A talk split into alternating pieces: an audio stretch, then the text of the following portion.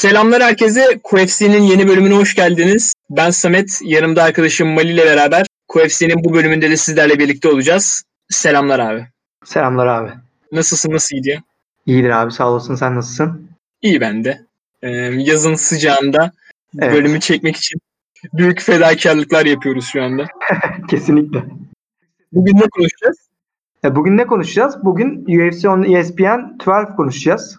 Yani son kartı Dustin Poirier, Dan Hooker maçının olduğu çok hoş bir kart konuşacağız. Bazı küçük bu kartla alakalı olaylar konuşacağız. Yine çok olayımız yok bu kart haricinde. Gelecek ya bu hafta sonu maçımız da yok kartımız. O yüzden sadece bu kart üstüne yoğunlaşacağız bu bölümde genel olarak. Evet, öyle gözüküyor. Hı hı. Ee, istersen başlayayım ufaktan. Tabii abi. Hı hı. Prelimlerden konuşmaya başlayacağız ilk, ilk olarak. hız, hızlıca bahsedelim evet. Aynen. Gecenin ilk maçında Featherweight'te Jordan Griffin'le Yusuf Zelal arasındaki maçta Yusuf Zelal decision sonucu maçı kazandı. Var mı bu maç hakkında söylemek istediğin bir şey? Abi bu maç hakkında aşırı detaylı söyleyebileceğim bir şey yok. Ee, stri- striking'de daha outstrike etti Yusuf Selal rakibini. Hı hı. Ee, ilk roundda Jordan Griffin'in bir takedown'u var ve onunla hakemlerden şey almayı da başardı. Ee, ilk roundu genel olarak. Yusuf Selal iyi bir prospect. Jordan Griffin de iyi bir prospect. Geleceklerine bakacağız ikisinin de. Aynı zamanda Yusuf Selal'ın Afrika'dan olması işte iyi bir pazar opsiyonu. 96'lı Evet. gençte. Bakalım takip edeceğiz. Evet, bayağı bir. Okey. Ee, gecenin ikinci maçı Women's Strawweight'teydi. Kay Hansen'la e, Jin Yu Frey arasında olan maçta Kay Hansen 3. son roundda armbar sonucu maçı kazan kazanan taraf oldu. Hı hı. Bu maç hakkında var mıdır söylemek istediğim bir şey? Biraz abi. İkisi de Hı hı. İki hanımefendi de Invicta'dan geliyorlar. İlk maçları UFC'de. Hı hı. İkisinde UFC debüsüydü karşılıklı. Ee, Kay Hansen özellikle çok genç. Şu an UFC'deki en genç ikinci kişi. 20 yaşında. Birincisi de Chase Hooper olması lazım. Ee, 99'da. Yani benden, ben, yani senden genç dövüşçüleri hadi arada bazen görüyoruz da benden genç dövüşçü ben çok nadir gördüm UFC'de. Evet. Biraz ya- yaşlı hissetme ama Yok estağfurullah hocam ne demek. tecrübelisin. Ee, onun dışında Yani böyle de güzel bir cover up story oluyor tecrübelisin demek yani. Evet. Ee, ilk roundda Jenny Humphrey striking ile üstünlük sağladı Kay Hansen'e. İkinci rounddan itibaren Kay Hansen bir grappling specialist zaten. Yerde kontrol altına aldı Jenny Humphrey'i. Son roundda da yine takedown sonrasında güzel bir armbarla maçı bitirdi. Ee, şu ana kadar 7 maçında 4 submission'la galibiyeti var ve bunların 3 tanesi armbar oldu. Bu nedenle de Ronda Rousey benzetmeye yapılıyor. Ronda da zaten bir e, tweet attı onun hakkında. İşte devam Hı hı. et çalışmaya, işte başarılı kadın falan filan gibisinden. Ee, bakalım yine büyük prospektlerden birisi Kay Hansen UFC debüsünde başarılı şekilde atlattı. Maçla ilgili belki ki maçtan daha ilginç bir olay. Bir adam bu maça 37 bin dolar Kay Hansen'e e, yatırmış bahis olarak. Ve kazanınca da 20 bin dolar kazandı. Neredeyse Kay Hansen'in kazandığı parayla aynı parayı kazandı yani. Daha UFC debüsüne çıkan, kariyerinin 10. maçına çıkan 20 yaşında bir dövüşçüye bu kadar cesur şekilde davranmak şaşırttı. Başarılı bir yatırım olmuş oldu kişi için. Evet. E, bayağı ilginç bir olay yani. Evet. Sonra şey falan demiştin dün. E, sonrasında görüşmüşler falan, Ha, evet, evet, karşılaşmışlar. havalimanına denk gelmişler bir de. Muazzam ya. Evet. Güzel bir olay valla. Hı hı. E, söyleyecek başka bir şeyin yoksa geçiyorum. Tabii ki abi buyur. E, sıradaki maç Heavyweight'te, ağır siklette olan bir maçtı. Filipe Lins ile Taner Bozer arasında olan maçı Taner Bozer birinci roundun e, yarısında işte iki buçuk dakikasında, iki dakika 40 saniyesinde knockout sonucu kazandı. Ne diyorsun bu maçla alakalı? Çok kısa dediğin gibi maç ama şey Taner Bozer'in maçları genelde biraz daha uzun sürüyor sıradan heavyweight'lere göre. Son iki maçı mesela. UFC'deki iki maçı da decision'a gitmişti. Abi Filipe Lins için çok üzücü bir durum. Buraya PFL, Professional Fighters League'in şampiyon olarak geldi. Heavyweight şampiyon olarak. Daha Mayıs'taki kartta dövüşmüştü Smith Tekşehir'e kartında. Ar- Arlovski'ye yenilmişti. Orada da net bir decision mağlubiyeti almıştı. Şimdi e, bounce etmek isterken, geri sıçramak isterken, win kolumuna geçmek isterken e, Tan- Tanner Bo- Bowser'dan böyle bir mağlubiyet alması böyle brutal şekilde hoş olmadı onun için. Bence bir şans, bir iki şans falan daha var sadece artık. E, yaşı da 34 olduğu için öyle çok aşırı genç bir dövüşçü de değil. Bakalım nasıl Evet. devam edecek? UFC'de, UFC'de devam edebilecek mi, kalabilecek mi? Öte yandan Tanner Bowser UFC'ye başarıyla gelmişti. Daniel Spinks'i yenerek gelmişti. Sonra Cyril Gain biliyorsun benim favori adamlarımdan birisi o da. Evet. Ee, ona, ona yenildi. Şimdi bu, bu, bu galibiyet onun için güzel bir devam ediş oldu UFC'ye. Net bir knockoutla. Yani içinden geçmek diyoruz ya işte yine içinden geçme örneklerinden birini gördük. Bu maç özelinde ekstra tartışılabilecek belki iki tane şey söyleyebiliriz maçın sonuçları ba- babında. İlki Hı hı. Taner Bozer'ın e, maça 235 kilo civarında tartıldı ve normalde şey walk around ki- ki- kilosu da yani sokakta gezindiği kilosu da benzer 235 pound gibisinden. O yüzden bu adam light düşsün gibi bir e, eleştiri geldi. Yani düş, eleştiri ya pozitif eleştiri. Light heavy'ye düşsün orada da iş yapar falan gibisinden. O da niye düşecekmişim zaten yeniyorum falan gibi bir ilginç açıklama yaptı. Bilmiyorum. Eğer, ya biraz da yağlı gibi ya daha fit Evet. şekilde 205'e bana da düşebilir gibi geldi. Ama bakalım kendisi heavyweight'te kalmaya ısrarcı. Bir sonraki maç için de bir de ge- genç bir genç tabii yaşı. Heavyweight için çok genç hem de 28 yaş, yaş heavyweight için başlangıç. Ee, Evet. Yani. Bir, bir sonraki maç için de Morris Green'i yine az sonra konuşacağız çağırdı. Morris Green de kabul ettiği gibi onunla dövüşebilirler gibi duruyor bir sonraki maçta. Evet. Ee, Güzel bir dış sesten sonra bir sonraki maça Aynen. geçelim. Ee, artık şu anda abi ölüm fermanımı imzalıyorum. Ee, Dış sesleri komple kapatarak. çıkamayabilirim. Şey Ee, e, bu Discord'dan Crisp özelliğini kullanabilirsin. Hemen reklamımızı yapalım. Hmm, deneyeceğim bakalım. Ee, Evet. Ben de Aynen kullanayım. Hatta yandan bazen matkap sesi gelebiliyor. Beta sürümünde ama deneyelim. evet. Yarar inşallah. Evet. Ee, tabii bağlantımızı sıkıntı yaratabilir bu. Bakacağız, deneyeceğiz. Bakacağız. Nasılsa ses kaydını ikimizin kendi tarafından alıyor. Biz anlaşabildiğimiz sürece sorun olmaz. Ee, sıradaki maça geçiyorum. Prelimlerin e, ana maçına. Lightweight'te olan Luis Peña ile Hama Verdi arasında olan maçta. E, Hama- Hama, Verdi maçı. Bilmiyorum hangisi ama Kama diye mi okunuyor? hoş hoş bir isim. Bilmiyorum. Bilmiyorum. Ben Kama diyorum ama hatırlamıyorum. Hama da olabilir. Biraz Okey. daha Ee, Kama diyelim o zaman. Kama diyelim. Ee, aynen. Kama Daha Verdi e, son roundda e, giyotin çokla Hı hı. e, Luis Peña'yı submit ederek maçı kazandı. E, maçın sonunu izledim sadece sonunu gördüm. İşte ana şeye e, ana Hı hı. karta geçerken sadece submission'ı gördüm. Yani Luis Peña zaten şeydi e, AKA ile çalışıyor bir ara. Muhtemelen e, grappling'inin biraz daha düşük olması sebebiyle orada işte Cormier ile ya da Habib'le birazcık daha iyi antrenman yapabileceğini falan mı düşündü artık bilmiyorum. E, Hı hı. ama herhalde çok fazla da ders almamış e, grappling eksiklerinden. Ne düşünüyorsun maçla alakalı? Abi Luis Peña aslında bir grappling specialist. Hani Luis Peña'nın asıl iyi olduğu yer yer aslında. Bu maçta da ilk iki roundda tam olarak onu gördük. İlk roundda Kamaworthy e, daha üst, üstün olan kesin ilk kısımdı ikili arasında.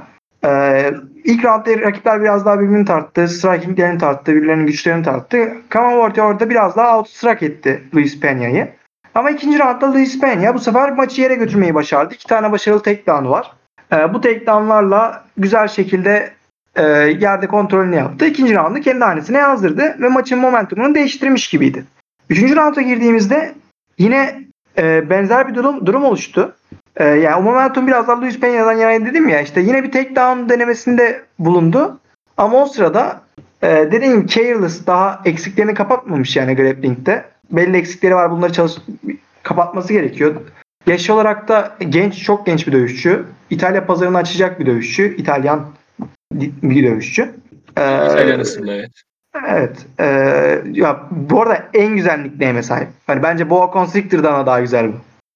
Kesinlikle abi. Ben de Violent çok hoşlandım abi, yani. Muazzam bir nickname. Güzel de bir karakter. Ama ya Kam- Kamaworthy'nin yaptığı bu ikinci olay. İlkinde de Devonta Smith'i çok short notice'da alıp biraz daha prospect olarak olan bir rakibi ilk roundda knockout etmişti. ve arkadaşıydı o hem de. E, be- beraber çalıştıkları bir isimdi. Şimdi Luis Peña yine bir başka prospekti.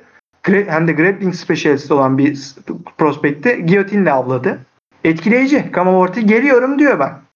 Ama Division çok stack. Bir şeyler yapabilir mi? İlk 15'e girmeyi başarabilir mi? Bakacağız. Ama bu şekilde ka- kazanmaya devam ederse bu maça da çünkü çok underdog olarak geldi. Yani karttaki en büyük underdoglardan birisiydi yanlış hatırlamıyorsam. Üçüncü, dördüncü falan yani o sıralamada. Ama bu maçı da kazanmayı başardı. Helal olsun. Bakalım ne- ne- nereye varacak bu iş. Bakalım abi. Ee, Hı hı. var mıdır son olarak eklemediğin bir şey? Eklemek istediğin? Şu an bu baş, başka prelimslerle alakalı aklıma başka bir not yok abi. Okey tamamdır. O zaman yavaş yavaş e, ana karta doğru geçelim. Hı hı. E, ana kartın ilk maçında e, Catchweight'te 150 pound'da e, Julian Erosa ile Sean Woodson arasındaki mücadelede e, Julian Erosa 3. roundda Dars Chok ile rakibini submit ederek galibiyete ulaştı. E, ma- bu maça Sean Woodson yenilgisiz olarak gelmişti. Fakat e, maçın sonunda umduğunu bulamadı. Ne düşünüyorsun bu maçla alakalı? Şöyle abi. Sean Woodson bu division'ın en önemli prospektlerinden bir tanesi. Sadece yani sadece fiziğiyle bile bu division'da prospekt olabilir. Çünkü 1.88 boyunda e, 78 inç reach olan bir adam her zaman farklı. Her zaman çözülmesi zor bir puzzle. 28 yaşında bu dövüşçü ve e, MMA'de tecrübesi az olabilir. Bu maçtan önce sadece 7 maça çıkmış olabilir ama büyük bir boxing rekoru var. Bo- boks yaparken tam rekorunu hatırlamıyorum ama 30-40 maç sadece 3-4 defa yenildi. E, zaten lakabı da sniper ve bunu görüyorsun. Hani maç sırasında çok iyi, çok başarılı bir counter striker. Üstüne doğru gelen rakibi güzel şekilde counterlayabiliyor. E, bunu şu ana kadarki olan UFC'deki Contender Series maçında ve Kyle Bochniak maçında gayet güzel şekilde e, efektif bir şekilde kullandı. İşte hatırlarsan maç öncesi analizlerimizde uçan dizlerine, flying knee'lerinden de bahsettik. Çünkü o kadar uzun ki efor, eforsuz şekilde dizini kaldırabiliyor zaten oralara. Bu da işte Evet. takedown'a gitmek isteyenlere karşı bir tehdit olarak hep orada. Ama gel gelelim.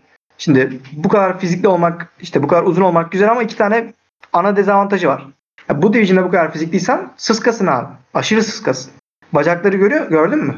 Yani Birçok UFC dövüşçüsünün hatta normal insanın kolundan daha ince bacakları. E, leg kicklerle senin hareketini elinden alıyorlar bu kadar rahat o zaman. Başarılı leg, leg kicker olan herhangi birisi bu hareketi alabilir. Julian Erosa bunları kullansa da aşırı kullanmadı. Diğer dezavantajını kullandı Julian Erosa. O da nedir? Çok sıska olduğu için yumruklarında güç yok abi. Tamam. Tam yerine oturtursa tam işte precision beats power tamam ama her zaman precise şekilde vuramıyorsun ve eğer rakibin sana o saygıyı duymazsa ve yeterince cesursa Erosa gibi ikinci roundda yaptığı gibi tamamen üstüne gelebilir. İlk roundda Sean Woods'un e- exchange'lerden üste, üste çıkıyordu. Daha o timingi yakalayamamıştı Erosa. O kadar bastırmıyordu. Sean Woods'un güzel güzel counterlıyordu. Ama ikinci roundda bir anda işler değişti. Erosa sonuna kadar üstüne doğru gidince o kadar uzun range'deysen bu sefer close range'de vuramıyorsun. Dirseklerini iyi kullanmıyorsan. John Jones gibi elbow'larla o mesafeyi geri açamıyorsan, o, oradan o vuruş yapamıyorsan bu sefer ellerinin uzun olması sana bir zarar olarak dönüyor. E, senden daha güçlü dövüşçü öyle içine gire, girerse, sen de wrestling gibi bir base'in yoksa, grappling gibi bir base'in yoksa mecbur circle yapmak zorundasın. Mecbur dışarı doğru açılmak zorundasın. Eğer rakip senden daha arzulu bir şekilde har- hareket ederse öne doğru sen- seni köşede sıkıştırıyor. Hele bir de küçük oktagonda çok daha bariz oluyor bunun efekti. İkinci rounddan itibaren gördüğümüz şey tam olarak buydu. Ee, Eroza yakaladı, kıstırdı. İkinci roundda kendi hanesine yazdırdı. Üçüncü roundda Woods'un biraz daha adjustment'ları yapmış şekilde döndü ve e, knockdown'a da ulaştı. Eroza'yı yere yıktı. Evet. Ama işte Eroza çok azimli, çok hiçbir zaman vazgeçmedi maçtan. Güzel bir dars çok yakaladı.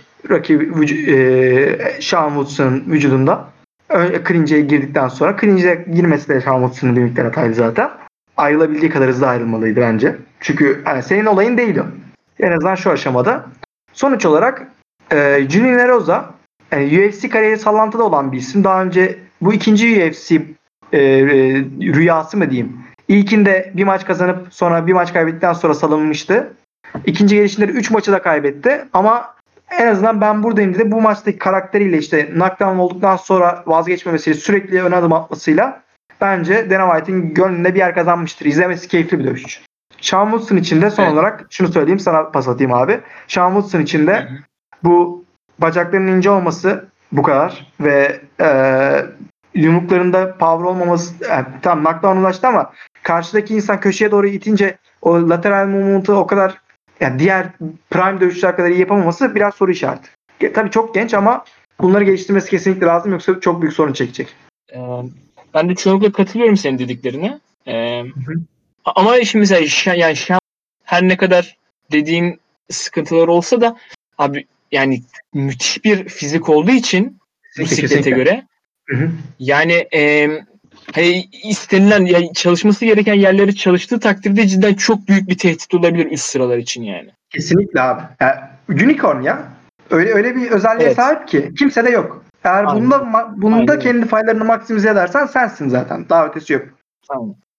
Yani iyi bir e, takedown defense'e sahip olursa e, Hı hı. biraz daha hareket hareketine önem verirse hareket edebilme yetisi kazanırsa cidden Hı hı. çok çok etkili olabilir yani. E, bu yenilgi onun için e, çok fazla bir şey göstermez zaten. Dediğin gibi Kesinlikle. genç zaten. Bence bu Ee, hayırlı bile olduğun için bu yenilgi. İyi Evet, oldu yani. Evet. Yani nelerin eksik olduğunu gördü. Ben akıllı da bir çocuk. Bence geliştirir kendisini. Mesela mesela Julian Eroza'nın daha üstün olduğunu düşündüğümüz ikinci roundda bile e, significant strike'lar bayağı yakındı yani. Sean Evet, evet, kesinlikle. hani çok şey değildi belki. E, Julian Eroza'nın işte pressure'ı hani çok göze batıyordu belki ama hani Sean Woodson'dan da counter'lar çok fazla geldi. Yani çok denkti aslında significant strike'lar orada. Hani o, o- bu bile aslında iyi iyi bir işaret yani. Evet son roundda da öyle. Ya tüm roundlarda öyle bir şey var mesela he- head şeyine bakarsan significant head strike'lara kayda değer başa olan vuruşlara bakarsan her roundda Sean Woodson önde. Ee, significant strike'da geride 46-59 ikinci roundda. Ama onda da 42-37 önde. Yani Daha çok body shot'lar ve leg kick'lerle etkili oluyor Julian Erosa. Evet. Ama bir de işte o dediğin gibi agresifliğe ve yumruklardaki power'a bakınca arkasından hani dokunmak. Sean Woodson biraz daha hani şey pa pa pa touch touch touch move falan tarzı takılıyor ya. Julian Erosa sa- yumrukların power'ıyla round'u aldı. Ama dediğin şey çok doğru. Her an seni outstruck edebilecek birisi. Hani Max Holloway Evet. 1. nokta, versiyon 1.5 gibi. Evet. Ben de benzettim stilini biraz yalan yok yani. Evet. Evet. Ee, böyle benim söyleyeceğim çok fazla bir şey yok zaten. Notlarımda, notlarımın çoğunu da sen söyledin zaten ifade ettin. Ee, senin de eklemek istediğin bir şey yoksa geçiyorum bir sonraki maça. Abi buyur. Sıradaki maç welterweight e, division'ındaydı. Takashi Sato'yla Sato'yla e, Jason Witt arasında olan mücadele e, birinci roundun daha ilk saniyelerinde e, Takashi Sato'nun rakibini technical knockout yapmasıyla bitti. Hı hı. Ee, yani bu maç hakkında çok fazla hani maç içerisiyle çok fazla konuşabileceğimiz bir şey yok. Sadece e, Takashi Sato'nun böyle biraz daha e, Wonder Boy tarzı yaptığı e, bir stansı benim çok ilgincime gitti yani. Son, son Bilmiyorum, zamanlarda ne- görüyoruz bu stansı değil mi? Şeyde de görmüştük. Evet evet Charles Rosa'da da Evet. görmüştük. Aynen. Anomali falan da zaten biraz daha Ha, öyle. evet zaten evet. Ee, ne düşünüyorsun? Var mı bu bu maçla alakalı söylemek istediğin bir şey? Anlatıcıyla alakalı bir şey söylemek istiyorum. Michael Bisping hı. maç başlarken Takashi Sato'nun çok güzel bir 1-2'si var. Çok güzel bir 1-2'si var. Bak bununla finish gelebilir dedi. Maçın bel çaldığından yani 40 saniye önce tam. Ve 40, 48. saniyede 1-2 ile adam knockout'u buldu. Yani Evet. beraber mi çalışıyordunuz mübarek? Bu nasıl analiz? Bu kadar accurate olma yani. Ya tam olarak Michael Bisping e, mükemmel 1-2 yani yaptığı şeyde Takashi Sato'nun çok güzel tahmin etti. Bravo. evet. Bayağı tertemizdi yani. Evet yani Jason ama şimdi Jason Witt bu maçı aşırı short notice aldı. 2-3 gün yani 3-4 günlük notice de aldı. Hı hı. Yani haliyle biraz daha Takashi Sato'ya highlight çıkarma maçı gibi olmuş oldu bu. Jason Witt de Doğru, işte evet. UFC'ye ilk başlangıcı çok kötü başlamış oldu. Ee, bahanesi var ama bilmiyorum çok ya umarım geri bounce eder. Çünkü değerlendirmek için yeterli bilgiye sahip değiliz ama bu maçta gördüklerimiz çok kötüydü onun adına. Yani ama şimdi ilk maçında böyle bir short notice'den sonra illaki ikinci bir şans verilir diye düşünüyorum ben yani. Kesinlikle, kesinlikle. İkinci, üçüncü şansı da alır ama umarım biz yanlış görmüşüzdür. Yani performansını gösterememiştir bu maçta. Diyorum ve bir sonraki maça geçiyorum. Tabii abi buyur. Mesela dün konuşmuştuk ya işte hani e, bu, bu kartın headline'ının işte hani Fight of the Year falan alabileceğini E, ama e, ana kartta yine bir tane daha çok iyi bir maç olduğunu falan söylemiştin sen. Evet ge- geçen haftaki bölümde Evet. bunu A- a- aynen tespit ettim bu değil mi? Bence Tahminin bu buydu mu? yani o. Çünkü Bu bariz bu. evet. Ya abi bariz mi bilmiyorum. Çünkü cidden benim açımdan hani bu kart hani Kart of the Year falan gibi bir ödül varsa alabilir. Çünkü hepsi çok kaliteli maçlardı bence yani. Kesinlikle abi. Yani özellikle main event'e bakınca 6 tane yani onu hiç başlamadan direkt girdik maçları analiz etmeye de onu söyleyelim kesinlikle. 6 maç Evet. var. Bu 6 maçtan 4 tanesi e, pardon 3 tanesi finish'e gidiyor. Diğer 3 tanesi decision. Bir kere decision'lar muazzam iyi. Bir tek belki Mike Berry, Mickey Gall biraz daha düşük seviye diğerleriyle kıyaslayınca yani. İşte sürpriz sonuçlar var. Morris Green maçı gibi. Çok kısa biten maç var. Takashi Sato maçı gibi. İşte başka daha da sürpriz böyle saçma e, underdogların kazandığı maç var. Erosa Woodson gibi yani çok rekabetçi, çok üst düzey maçlar serisi izledik. Ve en güzeli de bu maçlar Fight of the Year candidate muazzam bir maçla bitti ya hani yüks yani aşamalı yükseltip nokta, zirvede bitirmesi bu kartı bizim gözümüzde muazzam güzelleştirdi. Aynen. Yani kartta her şey vardı abi. High level striking zaten muazzam. High level grappling müthiş. İşte knockout vardı, submission vardı. Aha. Hani her şey vardı yani. Evet kesinlikle. Kesinlikle. Bunu söyledikten sonra cidden evet. evet, Evet. geçiyorum. Ee, gecenin anakarttaki üçüncü maçı middleweight'te Brandon Allen'la Kyle Daukus arasındaydı. Ve Hı hı. e, decision'a giden maçı e, Brandon Allen unanimous decision'la kazandı.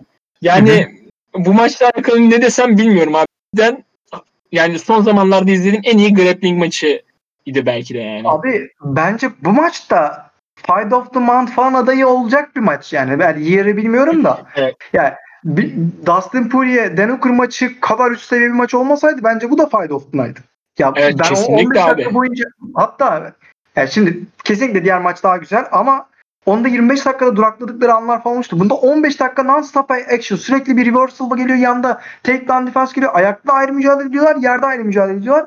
Ve yani yine Bisping'de de. Bisping'den bugün iyi bahsedeceğim. Bir iki defa daha bahsedeceğim. Ya, o kadar iyi örtüşüyorlar ki birbirleriyle. Ground'da da aynı kişiler, ayakta da aynı kişiler. Çok denkler yetenek olarak. Evet. Bu da bize muazzam bir maç izletti. Ee, Hatırlıyorsan Ee, Kyle bunu bu maça e, yenilgisiz gelmişti. Evet. Bunu tahmin de etmiştik ama maçı. Yani bir, bir önceki Evet. kayda bakarsanız bu Fight of the Night Sleeper dedik. Ve tam olarak öyle bir maç çıktı. O yüzden bayağı mutluyum. Ya, güzel abi. Yalnız ben Güzel. şey puanlama Aha. konusunda e, Kesinlikle katılıyorum. birazcık Kyle Daukus'a birazcık şey haksızlık yaptıklarını düşünüyorum ya. Evet. Özellikle doğru. mesela bir roundu e, 10'a 8 falan vermiş mesela bir hakem. Hı hı. Yani bilmiyorum ki. Hani e, unanimous decision olabilir bu maç. 30-27 de olabilir. 30-27'ye Ama katılmıyorum. işte Ha. diyorsun. 30-27'ye kesinlikle katılmıyorum. Sen devam et. Okey. Lafını bitir. Şey yapmayayım. Ama 30-27'ye Sen peki ona mesela bir roundun 10'a 8 ol, olam- olma ihtimaline katılıyor. E, ben biliyorsun 10'a 8 daha rahat veriyorum. Bence 2 round bile 10'a 8 olabilir. Round 2 ile round 3 farklı Hmm. kişilere. Çünkü çünkü hemen şöyle şey yapayım. Ee, araya giriyorum kusura bakma. Şimdi ilk, ilk round çok yakındı. Ee, ayakta Evet. biraz daha Kyle Daukus'un gibi çıktı ama Brandon Allen takedown'u aldı. Yerde sonra ground strike'larla maçı yani daha takedown'ları hep Kyle Daukus aldı. Brandon Allen yerde reversal yaptı ve üste geçti. Üste Grandin Pound'unu kullandı. Ee, Evet. Bu şekilde ilk round aldı ama daha yakın bir maçtı bir durumda. İkinci roundda 3 dakika kadar Brandon Allen yere aldığı rakibini. Bu arada ilk roundda şey de var. Mükemmel bir knee, knee de var. Hatırlıyorsun değil mi onu? Evet. Çok evet, güzel evet. bir dizle yere, yere gitti. O da çok güzel bir hamleydi. O da bayağı etkili. İkinci roundda yerde mükemmel bir ground and pound Brandon yukarı çıkmasına izin vermedi. O dirsek o kadar güzel şekilde yerleşti ki bir dirsek var ikinci roundun ortalarına doğru. E, o gözün üstüne açılan yere bir daha hiç kapanmadı. Maç boyunca bir daha hiç kapanmadı. Köşede kapattıktan sonra bile daha maça başlamadan önce yine o kan akmaya devam ediyordu. Mükemmel bir di- dirsek. Onu, onu Mükemmel 2-3 tane daha yani. follow up dirsekle takip etti. Ya, ya ikinci roundda ben Kyle Daukus'tan çok bir şey göremedim. Ben 18 10'a 8 daha sık verilmesi gerektiğini de düşünüyorum. Bu maç 10'a 10'a 8 verilebilir. Yani 10'a 9 da olabilir ortada. Ama 3. roundda 4 dakika kadar takedown ulaşıp yerde tuttu Kyle Daukus. Yerde Brandon ne yaptıysa Evet, evet. Brandon ne yaptıysa aynısını yaptı. Aynı katı onda açtı, aynı dirseği ona vurdu. Hani 2 neyse 3'ün simetrini izledik sadece. Tek olayı ben benim kendim e, puanlandırırken 10'a 9, 10'a 9 maç bitişine doğru 10'a 8 veriyordum kendim. 10'a 9, 10'a 9, 10'a 8 diyecektim. Son 25-30 saniyede Brandon ayağa kalkmaya başardı. Kyle Daukus yavaşlamıştı or- sona doğru. Enerjisi iyice bitti. Onun da başı bayağı sarsıldı yani. Önceki roundlardaki dirseklerden. Neyse Brandon'ın ayağa kalkmaya başardı. Orada bir köşeye sıkıştırdı böyle bir e, bam bam bam bam yumrukları patlatmaya başladı ve maçı öyle bitirdi. Maçı öyle güçlü bitirmeseydi ben o, o rounda 10'a 8 verecektim mesela. Bence olması gereken hak ederi oydu o maçın. Ve beraberlik olmalıydı. Sırf onu bitirdiği için aldı diye düşünürken 10'a 9'a anca öyle indirebildi diye düşünürken hakemin bir tanesini 10'a 9 Brandon Allen vermesi son maç rounda abi nerenle izliyorsun ya? Ya Doğru doğru doğru. ya bu çok çok saçmalaşmaya başladı. Artık bence şi- hiçbir şey olmuyorsa bile hakemlere şey denmesi lazım. Siz bu roundu böyle verdiniz ya. Açıklamasını yazıyorsunuz. Her şeyin altına şunu gördüm şunu gördüm veriyorsunuz. Nedenini de yazsınlar. En azından böyle şey yapmayalım ya. Tamam hani sistemi falan değiştirme hepsi makro makro olarak konuşulur. Ama ya nedenini açıklayın bize artık. Biz neden olduğunu bilmek istiyoruz. Neden bu maçı 19 ne gördün de verdin 19? Bu bu bu çok saçmaydı yani. Ben sinir oldum bayağı orada. Evet abi katılıyorum ben de. Hı hı. Ee, yani şey ya zaten mesela şey diyoruz mesela ikinci round 10'a 8 olabileceğini falan düşünüyoruz. Yani üçüncü round bence ikinci rounddan biraz daha farklıydı son 30 saniyeye kadar. Hani Evet, ben- ikinci roundda da birinci roundda da hani işte iki tık iki tarafta da kontrol time var. Hani e, her ne kadar Brandon'ın ikisinde de üstün olsa da hani yine bir bir buçuk dakika falan e, Kyle da kontrol zamanı Evet. vardı yani ilk iki Ayakta daha roundda. başarılıydı. Ayakta daha başarılıydı Evet. yumruklarında. Üçüncü round ama Yani sadece tabii Kyle ki- Evet. Son 30 saniye Yani tabii kadar. ki maç maç Brandon Allen'ın biraz daha hakkı gibiydi kesinlikle. genele baktığımızda ama e, dediğimiz gibi e, skor kardında birazcık e, Dawkins'e haksızlık edildi diyebiliriz yani. Evet, evet. Hani zaten kazanan çok değişmediği için şey yapılmadı ama başka durumlarda çok farklı sonuçlara yol açabilirdi. Var mıdır eklemek istediğin bir şey? Buyur abi. Diğer maça geçelim. Yok. Şimdilik. Tamamdır. Sıradaki maç Heavyweight'teydi. E, Gian Vellante ile Maurice Green arasında olan mücadelede e, üçüncü roundda yine e, Maurice Green'in arm triangle'ı herhalde e, sonucu e, maçı kazandığını gördük.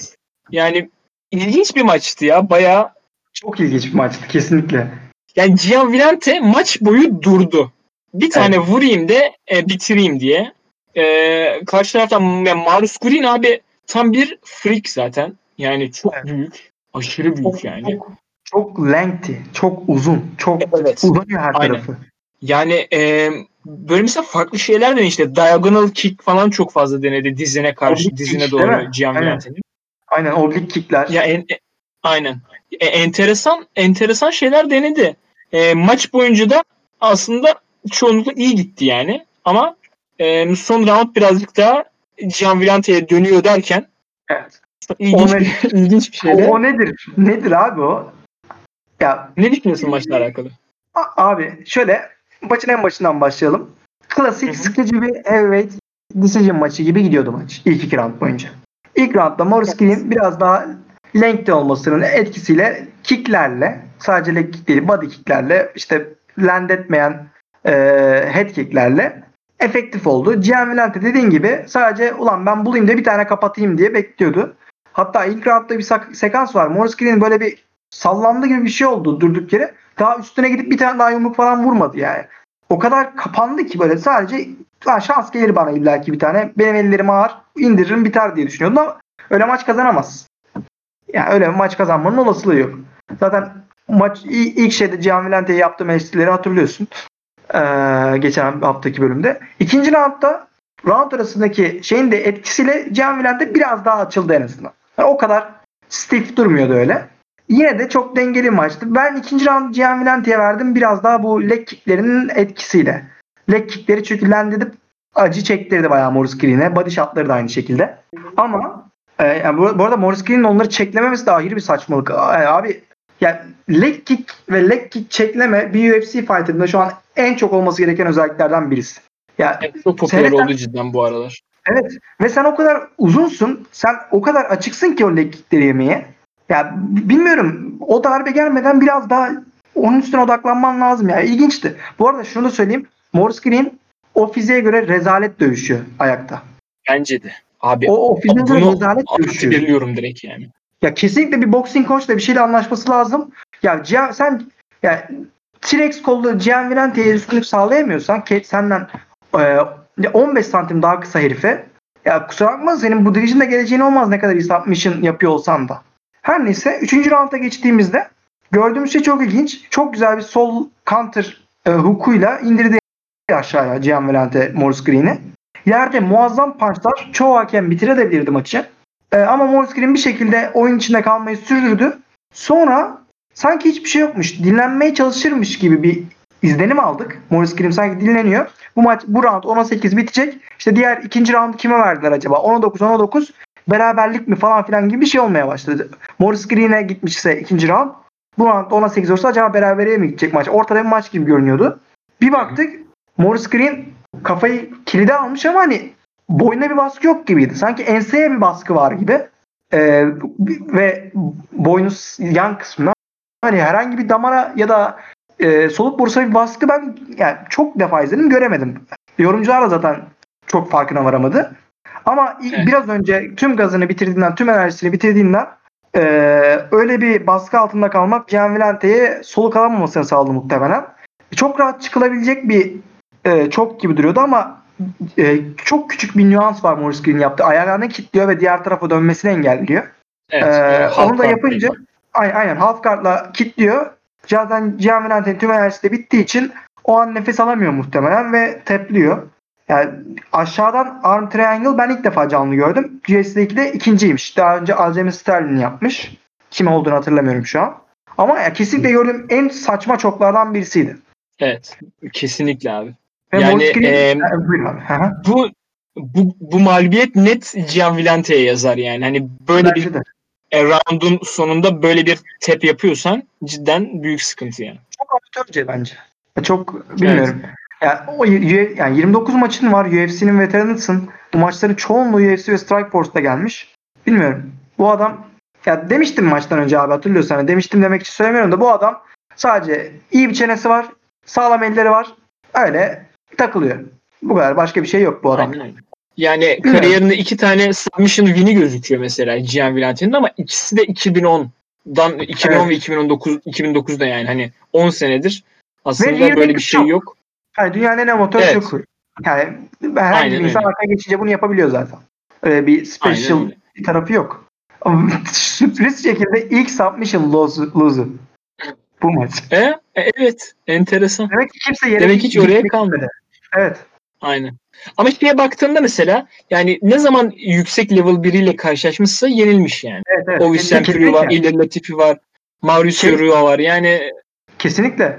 Şey şeyde bile ya işte Michel Oleksiuk falan da orta seviye dövüşçüler. Sam Alvey orta seviye. Upper Intermediate diye bir İngilizce seviyesi var onun gibi. Yani orta seviyenin üstünde kalan dövüşçüler. Onlara da hep nerede kalsa yenilmiş. evet. Ya bi- bilmiyorum ne, ne kadar daha devam edebilecek dövüşmeye. Yaşı da ilerlemiş bence. 34 tane bu şekilde dövüşecekse yaşı ile, ileri yani onun için. Heavyweight'te bu yaş çok genç diyoruz da bu dövüşme tarzı hiç ona fayda sağlayacak gibi durmuyor. Bakalım olacak. ya da Jairzinho değilsen rakibin gelip yumruk vurmayı bekleyemezsin abi. Ki onlar bile bunu yapmıyor. Yani biraz hareket bekledim. Hiçbir şey yoktu cidden. Yok. Neyse bakalım. Şimdi Morris Maurice Green'in e, post-fight interview'u Ha, aynen. hakkında O- diyecektim. konuşalım. istiyorsan. Buyur abi. Ee, yani işte e, Alex Oleni'ye yenildikten sonra işte birazcık herhalde artık depresyona mı girmiş? Ee, evini taşıyacakmış, parası yokmuş falan. Ee, Chelsea kesecekmiş galiba onu. Bunu da kaybetse kesme Evet. durumu olacakmış. Ondan dolayı da çekincemeliydim bayağı. Çok duygusallaştı haliyle. aynen. Şimdi ne demiştin sen? Ee, kim ona istemişti? Şey değil mi? Ee, Fener e, Bozer. prelimlerden. Bozer. Aynen. N- aynen. Zaten insanlar falan da yazıyor da internette bir iki gördüm. Hı. yapın bu maçı falan gibi. Ne düşünüyorsun sen Maurice Green'in işte post-fight interview ile alakalı, geleceğiyle alakalı? Abi çok duygusal bir anda hani tabii sevindik yani bu maçı böyle mucizesel olsa da kazanmasına sevindim. Eğer öyle bir durum varsa. Çok ailesini falan bırakmış hani taşınmış şey yapmış bir sürü derde girmiş bu maçı için. Umarım istediği gibi olur her şey ama mesela Gian Villante'ye karşı sergilediği performans Tener Bozer'e karşı sergilerse hiç iyi görmüyorum ben sonunu. Ya bu adamın rezümesinde Junior Albini, Jeff Hughes gibi adamlar var. Junior Albini knockout etti. Ama bilmiyorum ya bu e, çok daha iyi dövüşebilir bu adam. Umarım güzel bir boxing koçu tutar kendine ve iyi bir şekilde dövüşür ayakta. Evet abi umarım ya. Çünkü Yoksa- cidden e, az önce de bahsettiğimiz gibi çok iyi bir fiziksel avantajı Üstünlüğü sahip. var. Aynen, aynen. Aynen. Bunu değerlendirirse çok hoş olur bence de. Kesinlikle. Hı hı. Var mıdır Başka, başka bir şey yoksa aynen. Bir sonraki maça geçelim abi. Kovmayın. Bunun co-main eventinde programımızın favori dövüşçülerinden birisi olan Mike Perry ile Mickey Gall arasındaki maç welterweight'te oldu ve Mike Perry unanimous decision sonucu eee Mickey Gall'i yendi. Müthiş bir sunum oldu değil mi bu da çok iyi. Kesinlikle. Konuşulacak o kadar Ne düşünüyorsun maça? var ki. Maçı mı konuşacağız? Köşeyi mi konuşacağız? Maç öncesindeki bu aralarındaki nefreti mi konuşacağız? Maç sonrası Mike Perry'nin açıklamalarını mı konuşacağız? O kadar fazla şey var ki. E, Mike Perry oldu mu konuşacak her şey şey sayısı o kadar artıyor ki. Evet. Ee, sen başla abi. Maçtan başla. Hmm, Ya Mike Perry e, maçı iyi başladı. E, birinci roundda işte yeri alması falan yerdeki ground kontrolü gayet iyiydi. Mickey Gall ya ne bileyim böyle çok ilginç. Yani maçın en başında çok şeydi. E, güzel e, mesafesini koruyordu. Hani içeri girip one two sonra çık falan. O biraz iyi gibiydi ama roundun sonlarına doğru iş tabii tersine döndü. Evet. Ee, ikinci roundda işte zaten Mike Perry bir knockdown falan da yaptı. Ee, yani çoğunlukla Mike Perry'e çok müthiş avantaj sağlayan şey biraz daha ground kontrolü oldu. Mickey Gall de işte Evet. dediğim gibi ya böyle olması gereken böyle bir, bir şey sanki Mickey Gall'de yoktu yani. Ee, hani buraların adamı değilmiş gibi geldi bana birazcık. Kesinlikle katılıyorum. Az sonra diyeceğim zaten çok boş dövüş. Aynen. Yani çok da fazla söyleyebileceğim bir şey yok. Ama güzel bir maçtı gayet. E, Mike Perry e, işte zaten üzerine çokça konuşacağız. Bu maça e, hazırlanma sürecinde yaşadığı olayları falan. Evet. Ben de maç hakkında Sen kısaca düşünüyorsun? bahsedeyim, özetleyeyim abi maçı. İlk roundda dediğin gibi Hı hı. Mike Perry e, ya maça gelmeden önce önce şunu söyleyerek başlayayım kusura bakmayın. Mike, maça gelmeden önce düşündüğümüz şey şuydu. Mike Perry ayakta üstün. E, işte grappling'in ne kadar geliştiriyorsa da ayakta çok daha üstünlüğü var. Mickey Gall'ın çok bir tecrübesi yok. Mickey Gall ise işte Brezilya Jiu-Jitsu Black Belt yerde galibiyetlerini öyle aldı. Hani ne kadar iyi oldukları galibiyetlerini tartışılır işte. Yani sonuçta CM Punk, CM Punk'ı döven Mike Jackson ve Sage Northcutt var bunların içinde. E, galibiyetlerinin. Bunu zaten eleştirmiştik. Ne kadar bu seviyedeki mücadeleye hazır diye. Hiç hazır değilmiş. Onu gördük. Her neyse maç başladı bir baktık. Mickey Gall biraz daha üstünlük sağlıyor gibiydi Mike Perry. Yani beklediğimizin tam tersi. İşte bu lateral movement'ını iyi ayarlıyordu. İçeri zamanında giriyordu. Yumruğunu vuruyordu. Çıkıyordu dediğin gibi. Çok sıradan 1-2 de olsa işe yarıyordu. Çünkü Mike Perry dünyanın en akıllı striking'ini yapmıyor zaten. Sonra round'un ortalarına doğru Mike Perry yere aldı. Yerde güzel ground and pound da uyguladı. Hakemleri inandıramamış olsa da bence birinci round bariz Mike Perry'nin de. İkinci rounda geldiğimizde ayakta da Mike Perry üstünlüğü sağlamaya başladı. Mickey Gall hani sanki yeteneksizliği yetmiyormuş gibi bir de e, ciğeri de çok olmayan bir adammış. Evet. Şey Diego Sanchez maçında da ortaya çıkmıştı. Bir de buna yalan bahane bulmuştu. İşte benim işte ciğerimde bir durum oldu ondan dolayı zayıfladım gibi. Bu 3 roundluk maçın ikinci roundun ortasına da zayıflamaya başladı. Anlamadım yani. Ne, yap- ne yapıyor, ne ediyor. Mike Perry üstünlük kurdu, yere aldı dediğin gibi knockdown'u var bu roundda. Son roundda daha da üstüne gitti. Yani tamamen içinden geçti. Mike, Mickey Gall'da hiçbir şey var. Sen, yani bu maçı izleyerek ben şey dedim abi. Ben sanki Mickey Gall'da striking battle'ına girsem döverim gibime geliyor. Ya benim çok çok sıradan bir adamdı. Ben spesifik Evet, hiçbir şey evet. görmedim. Bir, bir UFC fighter olmasını sağlayacak hiçbir şey görmedim. Zaten UFC'ye giriş nedeni UFC'deki ilk maçı e, CM Punk'a karşı bir rakip olsun diyeydi. Hani onu beslemek için yapılmış bir maçtı. CM Punk bu kadar kötü çıkınca o da onu yenince burada kaldı.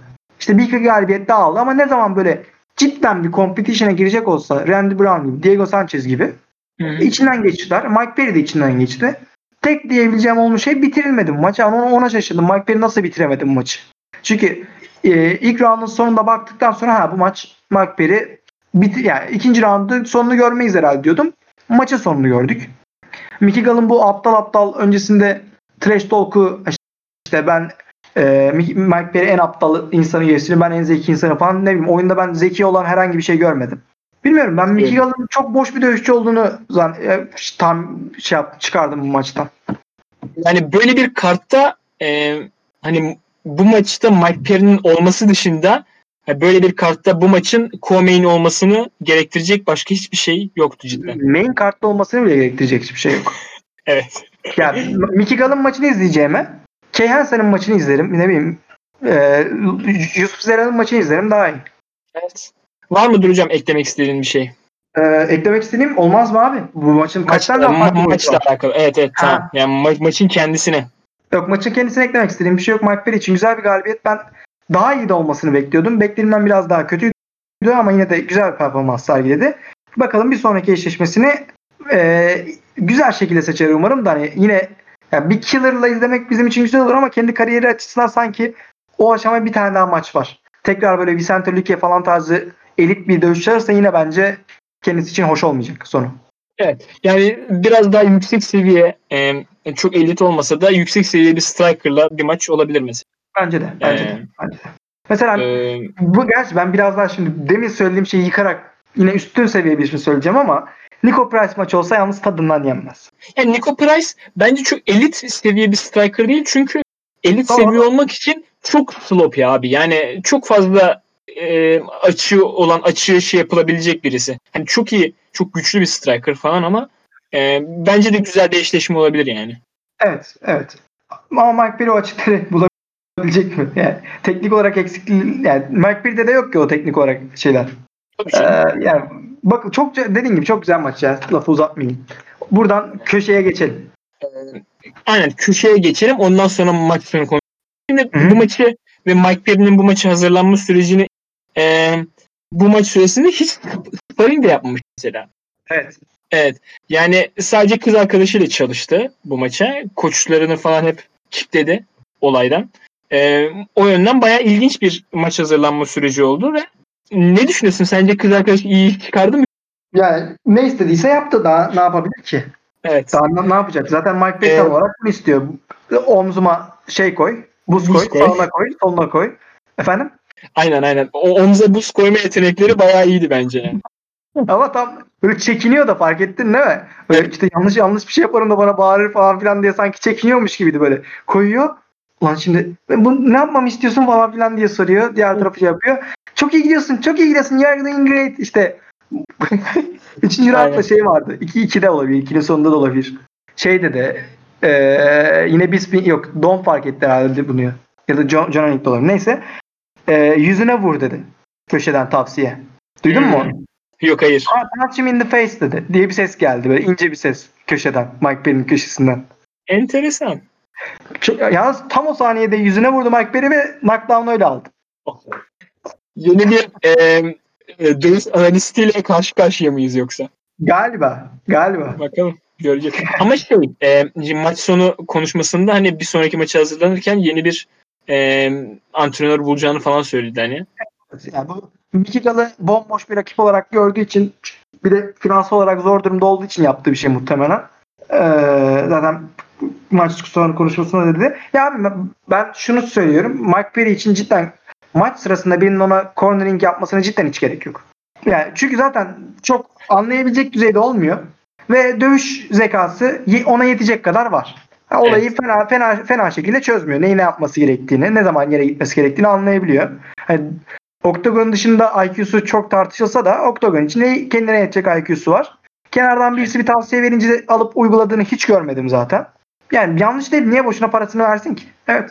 Ben yanlış bulmuyorum yani şu an. Eğer ATT gibi Aka gibi böyle muazzam bir koçlarla çalışmazsa ve onlara aşırı saygı duyup ne derlerse yapmayacaksa bence doğru iş yaptığı şey. Yanlış bir şey yok.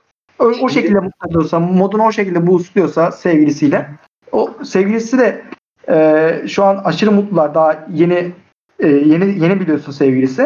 Hı hı, evet. Biraz daha eşinden ayrıldı falan bir sürü süreçten geçtikten sonra Lautaro Gonzalez'le birlikte olmaya başladı. Bakalım ne olacak sonrası. E, ya işte mesela az önce senin dediğin şeyin aslında tam tersini istiyor. Yani e, mesela işte maç sonu konuşmasında dedi hani bir koçla çalışacaksam bu koçluğun e, bana ne zaman ne yaptığımı söylemelerinden ziyade bir arkadaşlık ilişkisi Aynen. tarzında geçmesini istiyorum dedi yani. Aynen. Hani Evet. o, o, o- bence o yüzden işte ATT gibi hani daha böyle kurumsal şeylerle çalışmaktansa biraz daha böyle tanıdığı, bildiği işte güvendiği insanlarla çalışmayı bence tercih eder. Orada Doğru işte ama- şunu yap, bunu yap falan demekten yani köşesinin ona böyle demesinden birazcık herhalde imtina ediyor yani sevmiyor.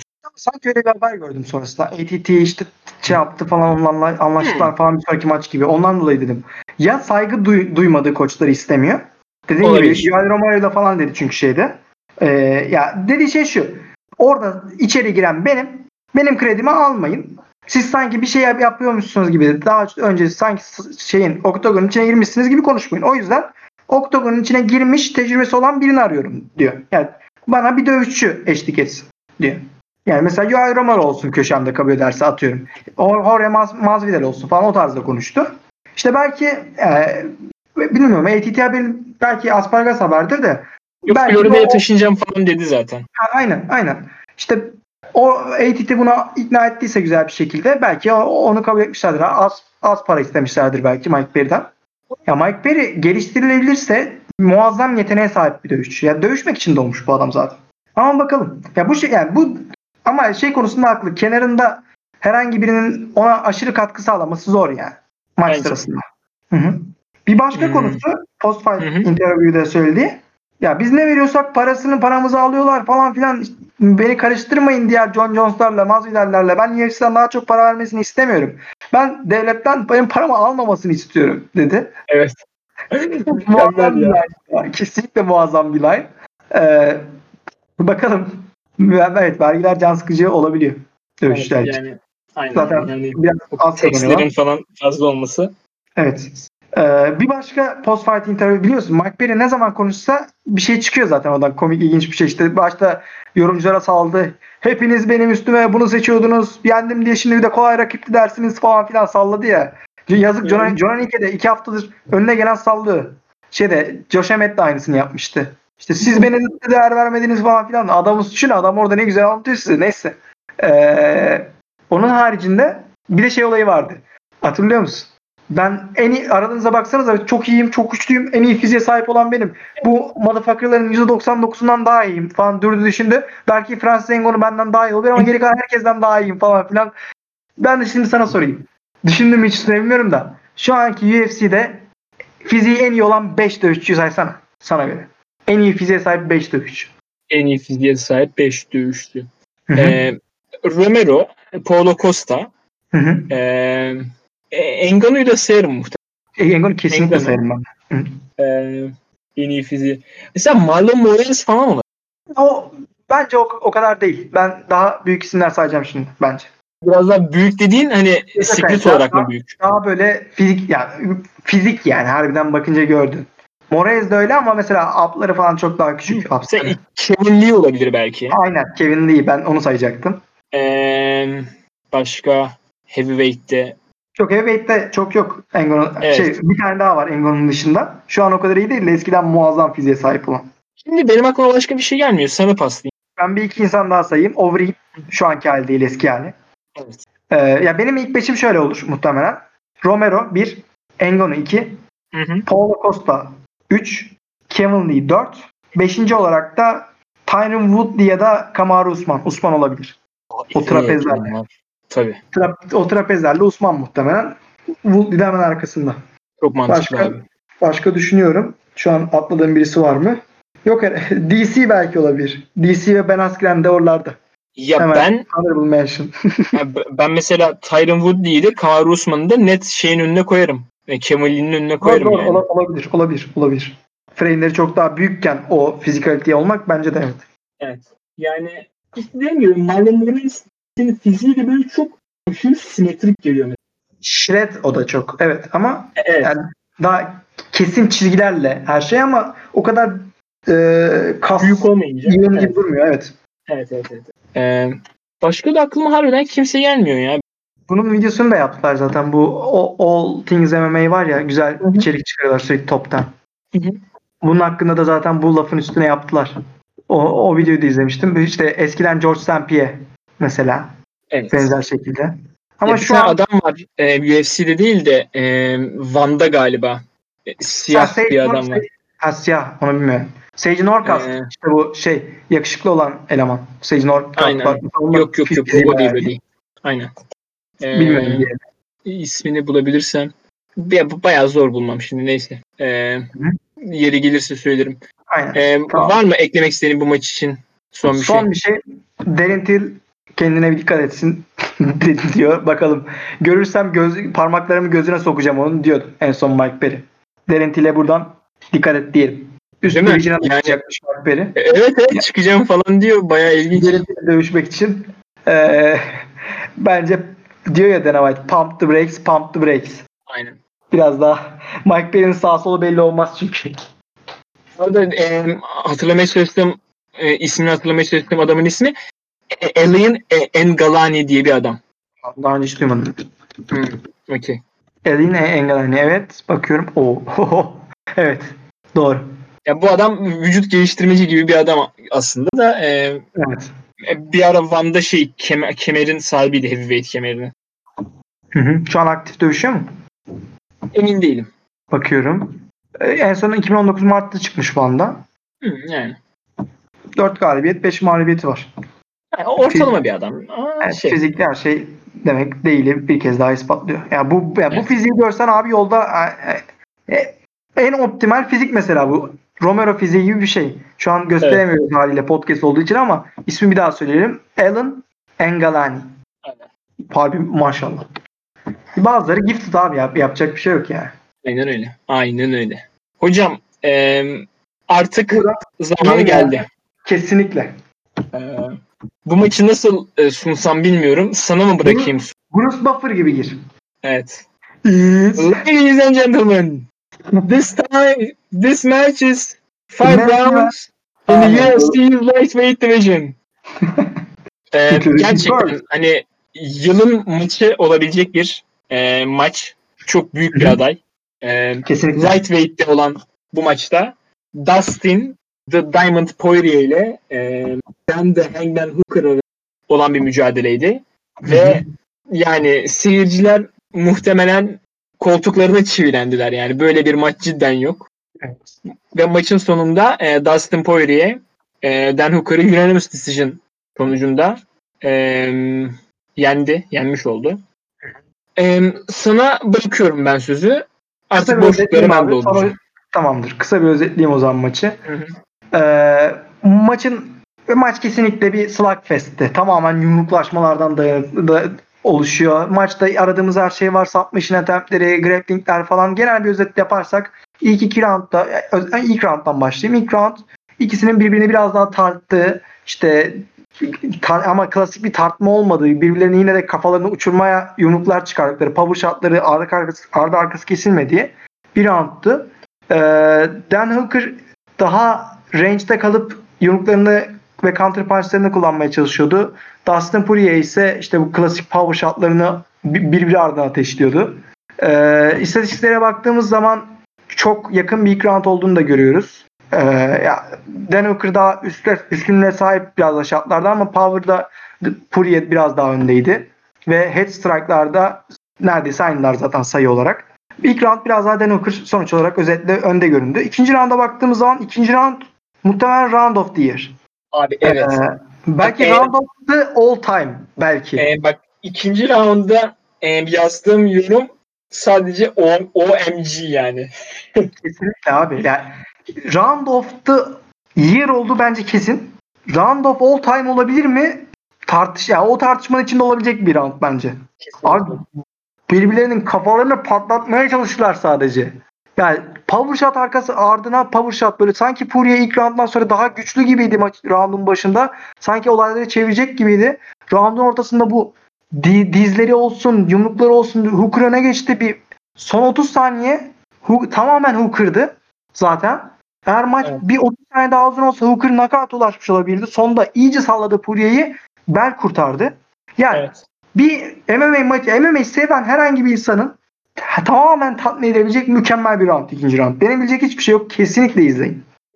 Yani anlatmaya kelimeler yetmeyecek hiçbir şekilde. Bir insanı MMA'ye başlatmak için çok güzel bir maç bence. Kesinlikle öyle. Kesinlikle öyle. Ee, bu mükemmel roundun ardından Dustin Poirier nasıl dönecek diye düşünürken bir de iki roundu Dan Hooker'da kazandıktan sonra Poirier yine her zaman yaptığını yaptı. Sonuçta o da bir şampiyon ve şampiyonun ruhunu gösterdi her zaman olduğu gibi. Dan da sonradan yavaşlama özelliklerini de özellikle Felder maçında görmüştük. Üçüncü roundun sonlarına doğru bunu da gördük. Poirier ayakta üstünlüğü eline geçirdi. Zaten yumruklarda hep üstün o gibiydi ama Bu dirsek olsun, bilek, ya kicklerle olsun avantajı hep Hooker eline geçiriyordu. Poirier güçlü döndü 3. rounda. Güzel yumruklarla connect etti. Hooker'ı salladı. Hooker artık 3. rounddan itibaren maçı tamamen grappling'e çevirmeye çalıştı. Çünkü ayakta yapabilecek hiçbir şey kalmamıştı. Poirier domine ediyordu. Evet. Güzel bir takedown denemesi oldu. Poirier gayet rahat atlatabilecekken giyotine gitmeyi denedi. Yine çok deep göründü giyotin. Habib, Habib olayının aynısıydı. Habib'le olan Evet. maçın. Çok Aynen deep göründü. Aha bitti maç derken Hooker gayet rahat şekilde çıkardı. Bu da ilginç geldi yani. Bu bir kez daha oldu. Ya toplam 3 defa oldu bu olay. 3 defa Poirier giyotine dedi. 3'üne de dedim oha bu çok derin. Sanki submission gelecek gibi ama olmadı. Bunu görünce acaba Habib maçındaki de böyle miydi de- demeye başladım yani. Başladım değil öyle mi yani? Acaba Poirier bunu çok deniyor ve yani kolları fizyolojisinden falan dolayı çok derinde mi görünüyor ya da tam bitiremiyor mu? Bilmiyorum. Abi çok derin durmadı mı sana da? Evet özellikle il- ilki çok şeydi İlki- yani. Evet. İlki ve sonuncusu. ikincisi biraz daha boştu da. Ee, sonra ama bu yerde çok fazla kalmadı. Ground and Pound'a da maruz kalmadı. Ayağa kalktı. Tekrar yaptıklarını yapmaya devam etti. Üçüncü roundu kapattı. Dördüncü roundda bu et, saydıklarımızı çok daha baskın şekilde yapmaya başladı. Hı hı. İki, iki defa takedown'u var Dan Hooker'ın. Bir tanesi e, yine giyotin almaya çalışırken Poirier izin vermiş oldu. Birinde de e, güçlü şekilde aldı Dan Hooker takedown'u ama ikisine de çok bir şey yapamadı ve çok kısa sürede kalktı ayağa Poirier. Sonra kendi takedown ile geldi. Yerde de yine bu sefer armbarla sanki maçı bitirecek gibiydi. Onunla nasıl bitmediğine şaşırdım. Hani sanki tamamen kitlemişti armbarı. Onu da anlamadım yani. O Ee, çok optimum değildi ya. Ee, orası birazcık şey sıkıntılıydı yani bence. Evet, evet ayak pozisyonunda ve pozisyonlanmada sorun vardı ama dirsek tamamen esniyormuş gibi görünüyordu yani en azından görsel olarak. Ama öyle değilmiş. Abi orada orada e, Dan Hooker ilginç bir şey yaptı. Böyle işte o pozisyon omoplataya hemen dönmeden önce Ha? e, yani işte omoplataya dönmesinin de nedeniydi o zaten. İşte Dustin Poirier'in yanına gelerek bayağı dizini koydu kolunun Evet, altına. Evet. Aynen. Çok ilginçti yani. Çok ilginçti bence de. Gayet başarılı bir savunma ama. Ve e, kesinlikle kolları çok esnek. Evet, esnek evet. orada çünkü tersine büküldü bir miktar ve sonra oradan dönmeyi başardı. Son roundda da Pu- yani Poirier tamamen domine ediyordu. Sonra Hooker yine bir takedown'la yere aldı. Ama yerde hiçbir şey yapmadı. Sadece durdu yerde. Sonra Poirier ayağa kalktı. Ayakta hani, imzasını attı yani maçın sonuna. Ayakta son 15-20 saniye boyunca power punchlarla tamamen Poirier, şey Hooker'ın kafasını patlattı ve Bell'le maç ayrıldı. Muazzam bir maç izlemiş olduk. Ne düşünüyorsun bu iki dövüşçü hakkında?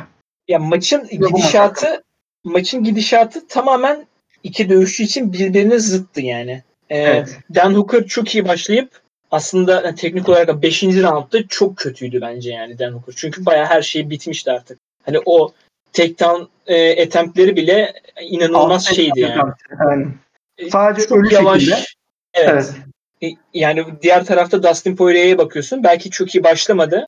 Tabii bu Hı hı. Dan Hooker'ın çok e, başlangıçta çok iyi olmasının da belki etkisi var. Ama Hı hı. abi roundlar ilerledikçe üstünlüğünü cidden kabul ettirdi yani. Ve yani bir 2 3 round daha giderdi. Evet, kesinlikle. İşte Ee, şampiyon olmak bu abi. Kesinlikle abi, kesinlikle. Şampiyonluk Yani ruhu bu ya. Bu şekilde şampiyon oluyorsun. Yani Dustin Poirier'e bakıyorsun tamam mı? Ya aslında çok şey, e, çok kısıtlı gibi gözüküyor şeyi. E, hani cephanesi çok kısıtlı gibi gözüküyor. Hani işte elbow'lar, dizler, tekmeler çok fazla yok ama abi yaptığı şey çok iyi. Kesinlikle abi. Kesinlikle. Ve Yani çok, mesela çok istiyor. evet. Ne Evet. oraya çıksa ya mesela bu demin bahsetmedim. Sen konuş en son söyleyeyim. Buyur. Ya şimdi mesela Dustin'in son 3 maçına bakıyorsun. Bunlardan iki tanesi Max Holloway ile şey Dan Hooker. Yani ikisi de hani bu maçta Fight of the Year olabilir. O maç Fight of the Year olmuş muydu? Olmamıştı ama orada şey vardı. A- hemen o kartta bile Adesanya şey vardı. Doğru. Ha, Gastelum aynen. Yani ama adaylardan biriydi en azından yani. Kesinlikle, kesinlikle. Evet. Veya bu iki Yani- maç şu anda Evet. UFC Lightweight tarihinde en çok significant strike vurulan iki maç. İşte. Yani daha UFC daha bir şey söylemeye gerek yok bence. UFC tarihindekileri saya- sıralarsak da bir maçtaki en fazla significant strike bir Max Holloway, Brian Ortega bu iki Hı hı. maçta ilk beşte. Hatta Justin Gaethje maçı da oralardı. Yani bu adam tamamen slugfestler için doğmuş. Ne zaman maça çıksa mükemmel bir maç izliyoruz. Evet. Ya bu tabi uzun vadede Dustin Poirier'in e, sağlığı için beni birazcık Endişelen Korkutuyor ama, çok e, iyi atlatıyor gibi ama. evet göreceğiz bakalım. Çünkü Evet. güzel zamanlamayla dalıyor. Bunları çok ardışık da almıyor. Böyle kendisini recover etmeye dikkat ediyor biraz da. Bakalım inşallah. E, büyük Gerçi eskiden böyle değildi ama Aynen. inşallah olmaz evet. Yani onun dışında başka ne diyebilirim? Abi şuna aynen şey diyordum işte hani cephanesinin kısıtlı olduğundan bahsediyordum ama bir istatistik. Abi maç boyunca strike'lar yani %76 accurate. Kesinlikle abi. Ve kendisine maç sonunda o kadar ekürüt değildim dedi. Evet, evet. Çıldırdım yemin ediyorum. Bazı şeyler şu, şunu iyi vuramadım. Onları da vurabilir. Daha iyi kardeşim. vurabilirdi ama. Bunu da biliyoruz. Doğru söylüyor. Çünkü power shotlar vardı boşa giden. Evet. Bayağı vardı. Yani kardeşim sen %76 ile bir accuracy yakalıyorsun. Yani burada işte bir tane şeyin bile olsa çok önemli değil yani. Tek silahla bile böyle bir accuracy yakaladın mı zaten çok iyi işler yapabiliyorsun. Kesinlikle. Kesinlikle abi. Ve hani cephane sınırlı gibi görünüyor ama aslında değil. İşler o yönde evrildiğinde adapte olabiliyor. Mesela yere gittiğinde Brezilya Jiu-Jitsu Black Belt'i ve fena güreşi olmayan bir isim. İşte ayakta distance'dayken içeri girmeyi çok iyi başarıyor. Ve yani gerektiğinde tekmelerini de kullanabiliyor. Eğer rakipte o yönde bir zayıflık gördüğü zaman.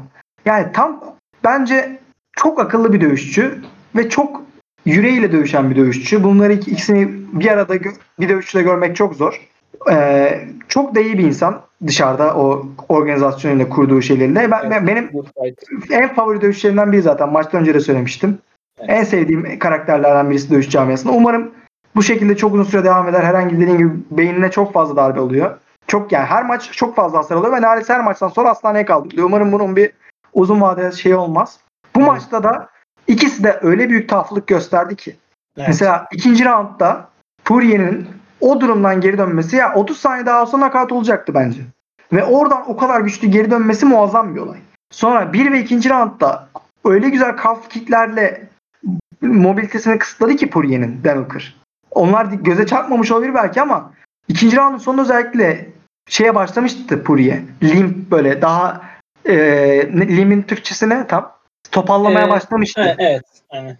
Ona rağmen o azim abi muazzam bir azim. Ben illaki senin karşına geliyor ve o power shotları vuruyor. Tek eleştirim benim bu maçta Poirier'e olabilecek. Tek eleştirim e, mentalite olarak en azından. Giyotini çok fazla zorluyor. Ayakta Evet. zaten üstünken o giyotine gitmenin hiç mantığı yok. Zaten son roundda bıraktı artık o işi de. Ya çünkü basit bir sprawl'la kurtulup çünkü çok üstüne dayanarak gitmediği için Hooker yani daha enerjisi falan kalmadığı için genelde. Ee, bir sprawl'la atlatıp sonra ayakta çok daha efektif olabilirdi. Bu e, Dan Hooker bu kadar rahat takedown'ları alınca bu bence sonrası için bir soru işareti normalde ama bu division'da dışında çok fazla takedown'a giden yani takedown heavy olarak tamamen oyuna yönelen çok insan yok. Belki Tony. Ama onun da ana niyeti takedown değil genelde. Evet. O yüzden o kadar sorun çekmeyebilir. Ama o küçük bir soru işareti. Ben Dan Hooker'ın bu kadar iyi olmasını beklemiyordum. Dan Hooker'ın iyi bir dövüşçü olduğunu biliyordum ama Poirier'e bu kadar iyi eşleşmesini beklemiyordum. Ee, Dan şey bitirdi. Dördüncü, beşinci roundlarda özellikle iyice bitmesi bitirdi. Yoksa ilk iki roundu kazanmıştı abi. Paul Felder maçında da gördük. Bu adam gazı bitiyordu. Yine bitti. Ama Dustin Poirier, Paul Felder değil. Gazın bitti mi senin içinden geçiyor. Aynen öyle. Yani e, kesinlikle tecrübe bayağı e, Dustin Poirier'in çok uzun zamandır 5 roundluk maçlarla e, haşır neşir olması 8. main event. 8 abi işte yani. Ve şunu desem kabul eder misin? Şu an Lightweight Division'daki rezümesi en büyük olan dövüşçü. En en tough competition'la karşılaşmış dövüşçü. Yani win olarak falan söylemiyorum. E- en zorlu yoldan geldi buraya. Evet. Tabii abi. Yani Eddie ne, kimler Alvarez, kimler var. Michael Johnson, Habib, Conor, Max Holloway iki defa. Evet. Herkesle dövüştü yani. İsmi olan herkesle dövüştü. İşte Jim Miller'lar, Bobby Green daha geçen hafta konuştuk. Diego Evet. Ferreira, Yancy Medeiros, işte Featherweight'teyken Cap Swanson, Chen Sung Jung herkesle dövüştü. Çok underrated ya. Çok kredisi veriliyor ona rağmen underrated. Kesinlikle. Vallahi tebrik ediyoruz. Peki. Şeyle alakalı bir şey söylemek istiyorum. Buyur Ee, abi. hani mesela giyotini fazla zorlaması bence de yanlış bir şeydi. Yani zorlamasa da olurdu da o birazcık şey de olabilir. Yani e, rakibi rakibin nefes sıkıntısına hem rakibine nefes sıkıntısı yaratmanın biraz daha kolay bir yolu gibi düşünebiliriz. Hani darbe yemeden yerde e, daha rahat olduğun, kendini rahat, rahat hissettiğin bir yerde rakibini e, biraz daha yormak olarak kullanabilir. Her ne kadar çok giyotin kolları falan bitiriyor olsa da Hı hı. belki belki de onu bir şey olarak kullandı yani. Ama sonra vazgeçmesinden bence yani asıl planın bu olmadığını düşünüyorum ben. Olabilir dediğin şey bence gayet valid bir argüman.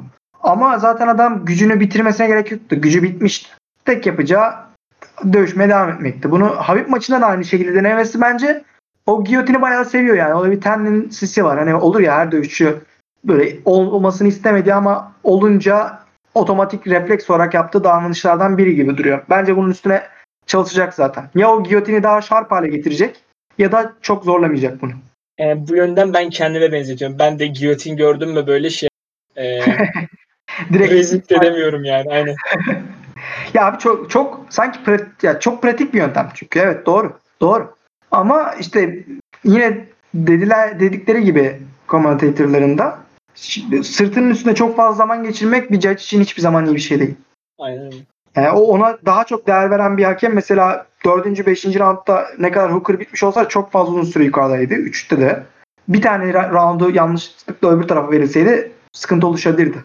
Aynen öyle gidebilirdi cidden dediğin gibi. Hı hı.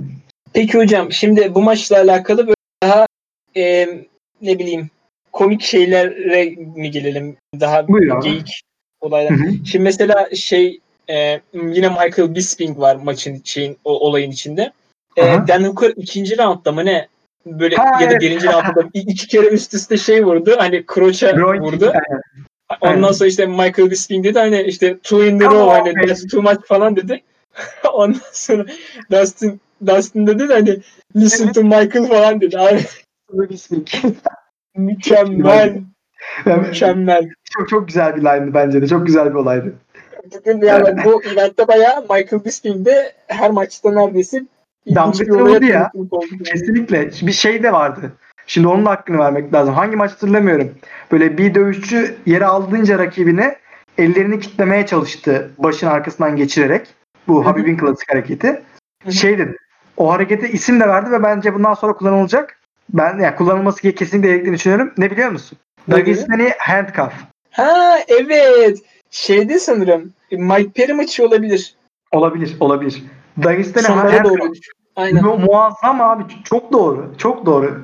Genelde işte zabit deniyor, şey deniyor, İslam deniyor falan. Tam Dagestani handcuff yani. Yok yok. The Dustin maçındaydı sanırım. O da olabilir. Evet. Peki şey nasıl? Yine bir komik, mimsel bir şey. Dustin'in dördüncü roundda bir takedown'dan sonra Ground and Pound ve submission sekansı var demiştik ya. O Ground and Pound kısmında Dan Hooker'ın bacaklarını falan kilitledi böyle ellerini elini diğer eliyle tutup böyle eee yani bu Da- Dagestani handcuff'ı yaptığı bir sekans vardı. İşte herkes de şey diyordu diyor Twitter'da. Nereden öğrendin bunu ya falan diye iki tane fotoğraf yan yana koyuyorlar. Ulan bir yerden tanıdık geliyor ama falan filan gibisinden konuşuluyor yani. Abi yani zaten şimdi Habib'in e, bunu yaparak insanların malum. Yani tam alamadım abi. efendim Sesini tam alamadım. Bir daha söyler misin? ya şimdi Habib'in bu e, sekansı yaparak insanları nasıl küçük duruma düşürdüğü malum. Yani Evet, e, bir işe yarıyor ki demek ki. E, Tabii Dustin canım. de herhalde üstüne çalışmış yani. Evet. Yani gayet hoş bir andı işte. Bu şekilde Evet. yenildikten sonra bunu hemen adapte edip kendisini kullanmaya başlaması Dustin hakkındaki hoş bir detaylardan, hoş detaylardan bir tanesi.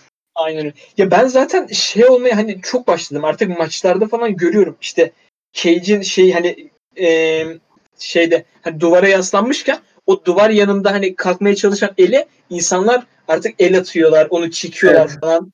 Oluyor Evet. yani o artık e, yavaş yavaş oturmaya başladı. Cidden can sıkıcı bir hareket yani. Evet, evet kesinlikle, kesinlikle. Ee, peki bu maç hakkında, maçın içeriğiyle hakkında bu daha fazla söylenecek bir şey var, var mı aklında? Son aklında kalan bir şeyler. Ya muazzam Maçın maç. Yani alakalı. tar- Evet. tarif edilebilecek bir şey gelmiyor aklıma yani bu maçı. Bu maçtan sonra iki tane şey tartışma konusu var şimdi. Birincisi Fight of the Year bu mu? İkincisi de Lightweight'te bir sonraki title shot nasıl şekillenecek? Görünüm ne olacak? Ne düşünüyorsun bu iki konu hakkında? Yani Fight of the Night için şey, Fight of the Year için birazcık daha beklememiz lazım. Şu ana kadarkilerden. Şu ana kadarkilerden. Abi bilmiyorum ki olabilir. Yani muhtemelen bu. Bir de hani iki tane event ard arda Ee, ve iki tane Fight of the Year adayı falan olması yani. Gerçekten Apex'in etkisi var mı? İnsan sorguluyor yani. Evet. E, Abi işte ya bence şu an düşününce bu maç daha güzel bence. En güzel maç bu. Ama recency bias da olabilir. Tamamen yani bunu yeni gördük ve bununla etkilendik öyle de olabilir. Çünkü şimdi şeyi düşünüyorum. Cenk vs. Joanna'yı Evet. şampiyonluk içinde o maç. Aynı şekilde 5 roundtu. Ve mesela bu maçın sonlarında bir miktar yavaşlama olsa da o maç tamamen 25 dakika aksiyondu. Doğru. Ama mesela bu maçta da o maçta olmadığı bir şey var. Bu maç brutal. Abi Tamam ikinci diğeri, round. diğeri çok sertti. Kesinlikle. İkinci round öyle bir seviyeye ulaştı ki Cenk Veil'den tamamen üstünde o round. İşte tamamen böyle bombalar havada uçuşuyor falan.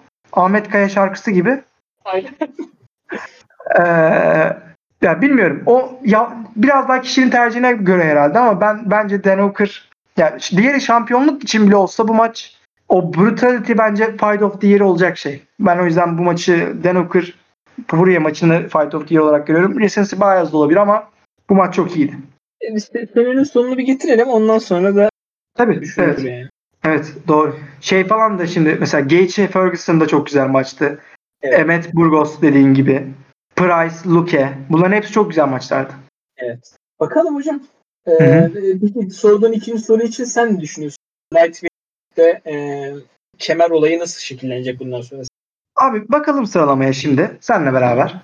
Lightweight rankinglerine bu hafta zaten yeni bir değişim oldu. Poirier 2'ye geçti. Ferguson 3'e düştü. İşte Oliveira ile Paul Felder arasında bir değişim var falan. Bayağı bir bu haftadan sonra random shuffle'lar da çok oldu. Çok fazla değişti sıralama. Ama title için aday olabilecek insanlara bakarsak Habib e, şamp- şampiyon şu anda. Gaethje interim şampiyon ve Habib'le booklandı Eylül için. Hı hı. İkinci sırada Poirier var. Poirier e, son title shot alan insan ve bence bir maça daha ihtiyacı var. Şu an direkt orada değil. Ne olursa olsun. 3 Tony Ferguson 12 maçlık serisi vardı ama o seri patladı ve sonuçta son maçında mağlubiyetle geliyor. 4 Conor emekli olduğunu açıkladı. Bakalım oldu mu? Ne oldu? Ne oldu Kardeşim bu yani? adam neden hala listelerde? Bana bunu biri açıklasın ya. Abi bir kelime 6 harften oluşuyor. Şöhret. Ha? Şöhret. Yok. Ben biraz daha şey harsh bir kelime. T ile başlıyor. Bildur. Diğer türlü de söyleyebilirsin. Okey. Yani silemezsin onu. Yapacak bir şey yok. Ya geri gelecek kesin. Dana White boş bir laf atsa da ge- geri gelmeme olsa var mı abi? Kesinlikle gelecek bir noktada. Evet. 5'te Dan Hooker, 6'da Oliveira, 7'de Paul Felder. Gerisini şimdilik telaffuz etmemize gerek yok. Şimdi bence bir sonraki maç ilk buklanması gereken maç Poirier, Ferguson, McGregor üçlüsünden ikisi birbirleriyle karşılaşmalı. Hangi ikisi olduğunu tartışalım. Daha olası olan bence Dustin Poirier ne diyor? Ben gelecek senenin başlarına dövüşmek istiyorum diyor. Doğru mu? Aynen. Ya da bu sene sonu falan demişti. Aynen, Doğru. aynen. Ferguson da daha bir önce çıktı ve yani face orbitalini kırdı. Ya o timeline'la uyuyor bence. Ha, Ferguson manyak daha önce de gelebilir. Tamam bunlar olabilir ama öyle değilse bence bu timeline'la uyuyorlar. Yani bir Dustin Tony koyup Ocak gibi onun winner'ını clear number one contender olarak yapılabilir bence. Bu opsiyonlardan bir tanesi. Böyle bir durumda Eylül'de maça çıkan Habib biraz daha sık maça çıkmak isterse Ocak gibi mesela Habib Kanır maçı olabilir aynı kartta. Habib Kanır aşağısında da Dustin Tony. Bu Ay. kart pay-per-view rekorlarının içinden geçmez mi? Geçebilir evet. İşte Habib, Habib diyorum da işte şeyin kazananı. Gaethje e, Habib maçının kazananı kastediyorum. Aynen. Evet evet evet anladım. Bu, bu, bu güzel bir opsiyon. Eğer Kanır'ı e, ya bir de şey olabilir. Bu maç işte koronavirüs olayları falan biraz daha yavaşlamış olursa ve fanlar alınırsa Gate de olur. Kanır'ın içine gelir. Yok böyle bir opsiyon yoksa işte Kanır bir maç daha kazansın gibi bir opsiyon varsa ikinci bir opsiyon önereyim. O da şöyle. Yine aynı timeline'da e, Ocak gibi Aralık sonu gibi Poirier ile Kanır dövüşüyor. O da çok mükemmel maç olacak. E, Tony ile de Dan Hooker dövüşüyor. İkisi de lose'dan geliyor. O da keyifli maç olur. Yani başka bir zaman yani ne zaman daha yakın da olabilir bu maç. Çünkü Tony de Hooker'da daha önce dövüşmek isteyecek. Peki Habib Gaethje maçını Gaethje kazanırsa rövanş var. Habib Gaethje rövanşı. Yok Habib Gaethje maçını Habib kazanırsa Habib kimle dövüşüyor? Ocak'ta falan dövüşmek isterse, sık dövüşmek isterse söyleyeyim mi? Kevin Lee falan. Efendim? Kevin Lee. Hayır canım. GSP. bir şey? Ay diyorsun. Habib'in o GSP isteği için ben şu an tam olarak en uygun durum. Çünkü clear bir number one contender yok. GSP'nin de son dönemleriyken GSP Habib şu anda olabilir Gage'den sonra. Çünkü hepsiyle dövüştü ve Fer- dövüşmediği tek kişi Ferguson Luz'la geliyor. Evet. O yüzden hepsine bir iki maç daha kazanın deme şansı var Habib'in. Böylece GSP o süper maçı olabilir. Benim isteğim, kişisel benim isteğim şu şekilde. Demin dediğim gibi Habib e, bir sonraki Ramazan'a kadar iki maça çıksın. Birisi Ocak Aralık gibi Gaethje maçından sonra ve GSP ile yapsın. Sonrasında da Poirier Kanır maçının kazananıyla Kanır olursa bir de o mükemmel bir build up olur sonrasında tabi. O maçın kazananıyla da işte Ramazan'dan hemen önce Nisan başı gibi yapsın ve her şey settle etsin ondan. Ondan bırakırsa ondan sonra bıraksın yani. Bu iki maçı Çok görmek istiyorum. Hatta Ramazan'dan sonra o senin sonuna doğru da Ferguson maçlarını kazanırsa Ferguson Habib. Bu üçünü yaptıktan sonra bırakırsa hadi neyse derim yani. Daha çok büyük şey var üstünde ama benim benim görüşüm bu yönde. Benim olmasını beklediğim şey ama bence olacak olan Dustin'le Sony yapacak o civarlarda bir yerde Connor'da bir sonraki title shot Connor'a. Tatsız ya. Yok tatsız değil buna buna da okeyim ben. Ama GSP Habib görmek isterdim. Ben değilim çünkü şundan değilim ya. Ben Connor'ın bir maç daha yapmasını istiyorum abi. Ben de istiyorum ama o isme sahip olduğunda yapman gerekmiyor abi. Dinamikler böyle işliyor. Bakalım göreceğiz. Bence Conor o boşluğa girecek. Çünkü şu anda Poirier'de Tony Ferguson'da Connor'dan daha iyi bir konumda değil. Title istemek için. Connor'ın marketingini düşünürsek. Sadece win-lose olarak söylemiyorum. Evet doğru. Yani. Tony mesela öncesinde bariz şekilde o olmalıydı. Çünkü 12 maçlık win'den geliyordu. Gaethje bariz şekilde o olmadı. Çünkü Tony yendi ve interim şampiyon. Ama şu an böyle bir condition olan kimse yok. Yani Hooker mesela galip gelmiş gelseydi bu maç. Ben yine o Connor'ın araya girebileceğini düşünüyordum onda da. Aa Evet. Çünkü tek top win olmuş olacaktı Poirier. doğru. Felder maçı da sonuçta şey olduğu için biraz daha tartışmalı. Ee, bence Dan Hooker'la da Charles Oliveira çok güzel bir eşleşme olur. Olmazsa Tony Ferguson Charles Oliveira çok güzel bir eşleşme olur. Abi mükemmel ya. Şu an ilk onda Justin Gaethje hariç kimse buklanmadı bir sonraki maçına. Her kombinasyonu yapabilirsin. Aynen. Yani Yani aşağıya inince bile hani orada abi ilk 15 çok stacked ya. çok isteriz. Ben- Biz şey diyorduk hatırlıyorsun. İşte Connor'dan sonrakilerle arada çok büyük bir fark var diyorduk işte Dan Hooker'dan sonra. Dan Hooker bunun olmadığını ispatladı. Evet. Yani şu bu maçı gördükten sonra işte tamam matematik direkt işlemiyor ama işte Paul Felder maçlarını falan gördükten sonra evet bu, bu division'da her şey yine olabilir. Ba- bazı OG'ler yine var ama bu division mükemmel. Bantamweight'le beraber en hoş division bence. Evet tabii canım. Ve talent pool olarak yani Bantamweight de çok stacked ve herkes birbirine yakın çok yakın dövebilir ama bu division'daki tavan çok daha yüksek. Bu division herkesin skill'i o kadar fazla ki. Evet. Herkes farklı bir şey uzman ki bu tane UFC tarihindeki en stack, en yetenekli division şu an önümüzde. Muhtemelen. abi. Abi ya şu sıralamaya bakar mısın? Gaethje, Poirier, Ferguson, Conor. Bu adamlardan herhangi bir tanesi farklı bir division'da şampiyon olurdu. Yani bir- biraz daha büyük olsalardı atıyorum mesela. Şampiyon olma olasılıkları çok yüksekti. Ama mesela önlerinde Habib olduğu için olmuyor hiçbirisi. Oğlum zaten Conor e, hani featherweight şampiyonu. İşte Dustin çok uzun zamanlar orada olmuş. E, Tony zaten 12 maçlık galibiyet serisi. E, Gaethje'nin zaten şeyini konuşmaya gerek yok. Adam nasıl e, adversity'lerden şey yaptı Evet. geldi. E, Yani...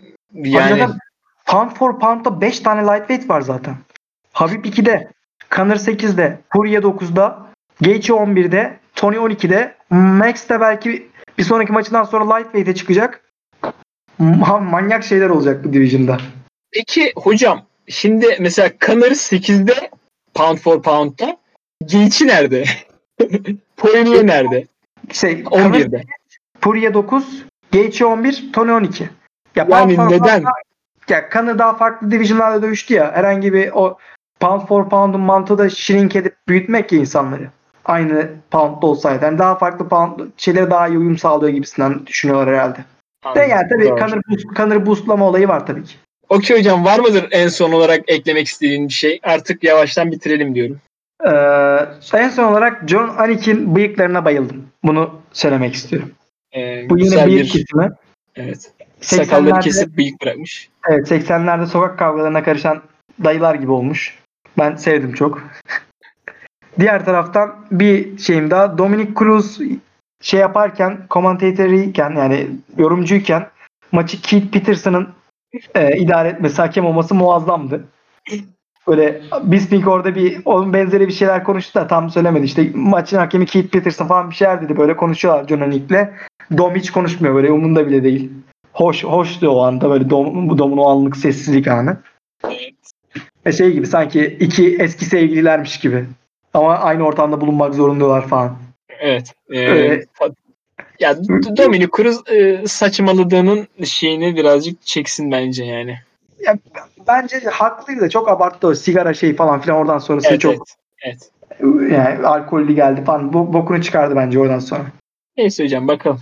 Ee, bundan sonra da muhtemelen zaten Dominic Cruz'un herhangi bir maçını vermezler. Herhalde. Keith Yok Peterson. yok imkan, imkan yok vermezler. İmkan yok vermezler. Dominic Cruz, Chris da- görsek güzel olur baya. Evet, Onda evet. tekrardan şey yapayım. Dena. Dena, Dena, Dena. Şimdi zaten önümüzde işte önümüzdeki haftaki hafta bir event yok ama e, 11 e, Temmuz'dan itibaren müthiş eventlerle beraber olacağız. UFC Fight Island onun hakkında onun hakkında da 2-3 kelime kesinlikle konuşalım. Hı hı. Muazzam bir prodüksiyon gibi duruyor abi. Dana White arada teaserları koyuyor. İşte teaserlar falan muazzam. Bir sonraki ma- şey e, kart zaten çok güzel bir kart. 3 tane kemer maçı var. 3 tane kemer maçı yetmezmiş gibi Rose, Jessica Andrade ve Paige Van Zandt, Amanda Ribas maçları var. E, prelimler biraz daha hafif bence UFC 249'a göre. Hı hı. Ama yani main event muazzam abi.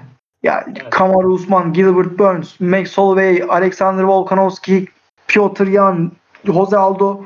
Yani merakla bekleyeceğiz. Zaten olayın komple bir adada oluyor olması Abu Dhabi'de mükemmel bir prodüksiyon. İşte milyonlarca dolar harcandı. Ya çok heyecanlıyız. Bakalım ne olacak. Bu arada UFC Abu Dhabi'de Türkiye'de kamp yapan bir dövüşçü de olacak. 15 Haziran'daki maçta. Ee, ismini şu an hemen tekrar kontrol ediyorum. Corvus Combat'ta dövüşen. Yani galiba şeyden dolayı burada kalmış da. Tam her zaman orada mıydı bilmiyorum. Ben de Instagram'ları gördüm. Yok. Lian, Joju, Lian Jojua. Gürcü asıllı Rus dövüşçü. Normalde Akmat MMA'de dövüşüyor. Akmat, Akmat Fighting Club'da. Ama bu dövüşe burada hazırlanıyor. Bu koronavirüsten dolayı gidememiş olabilir. Burada durup sonra çıkamamış olabilir. Öyle bir vibe aldım ama tam bir bilgim yok. Anladım. Ee, ama yani Türkiye'den hazırlanıyor. Onu da başarılar diliyoruz 15 e, Haziran'daki 15 Temmuz'daki maçta. Tarihi Abi de o 15 şeymiş. Temmuz'daki event yani Katar, İge, Khomeini, Edgar, Munoz Carla Esparza, Marina Rodriguez. aynen öyle. Gayet hoş. Ya, gayet Bir ara, hocam. ara event için 3 tane güzel maç var. Zaten UFC Fight Island'daki her maçta ya şimdi çok aşağıdan başlıyor bazı şeyler talent olarak ama her maçta her kartta 3 tane çok güzel maç var. Evet. Mesela Figueiredo, Benavides, Gastelum, Hermanson, Pantoya, Askarov.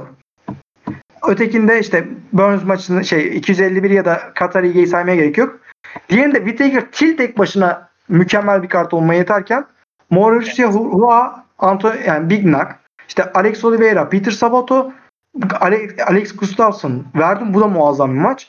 Sonra Evet. işte Danny, Danny Roberts, Nicholas Delby fena bir maç değil. Francis Trinaldo var kartın içinde bir yerde. Justin Tafa var. Betty Correa var. Aşağılarda Nathaniel Wood'la Umar Nurmagomedov var. Aynen öyle. Bu, bu, kart, bu kart da çok stacked bence. Fight Night. Bir Fight, Night, Fight Night'a göre cidden Kesinlikle. Ramazan Emiyev var. Güzel kart. heyecanlıyız hocam. Bakalım. Kesinlikle. Biz de formatımızdan küçük bir bahsedelim. Gelecek hafta içinden nasıl işleyeceğiz? E, Gelecek hafta sonrasında UFC Fight Night Fight Island için programımız nasıl?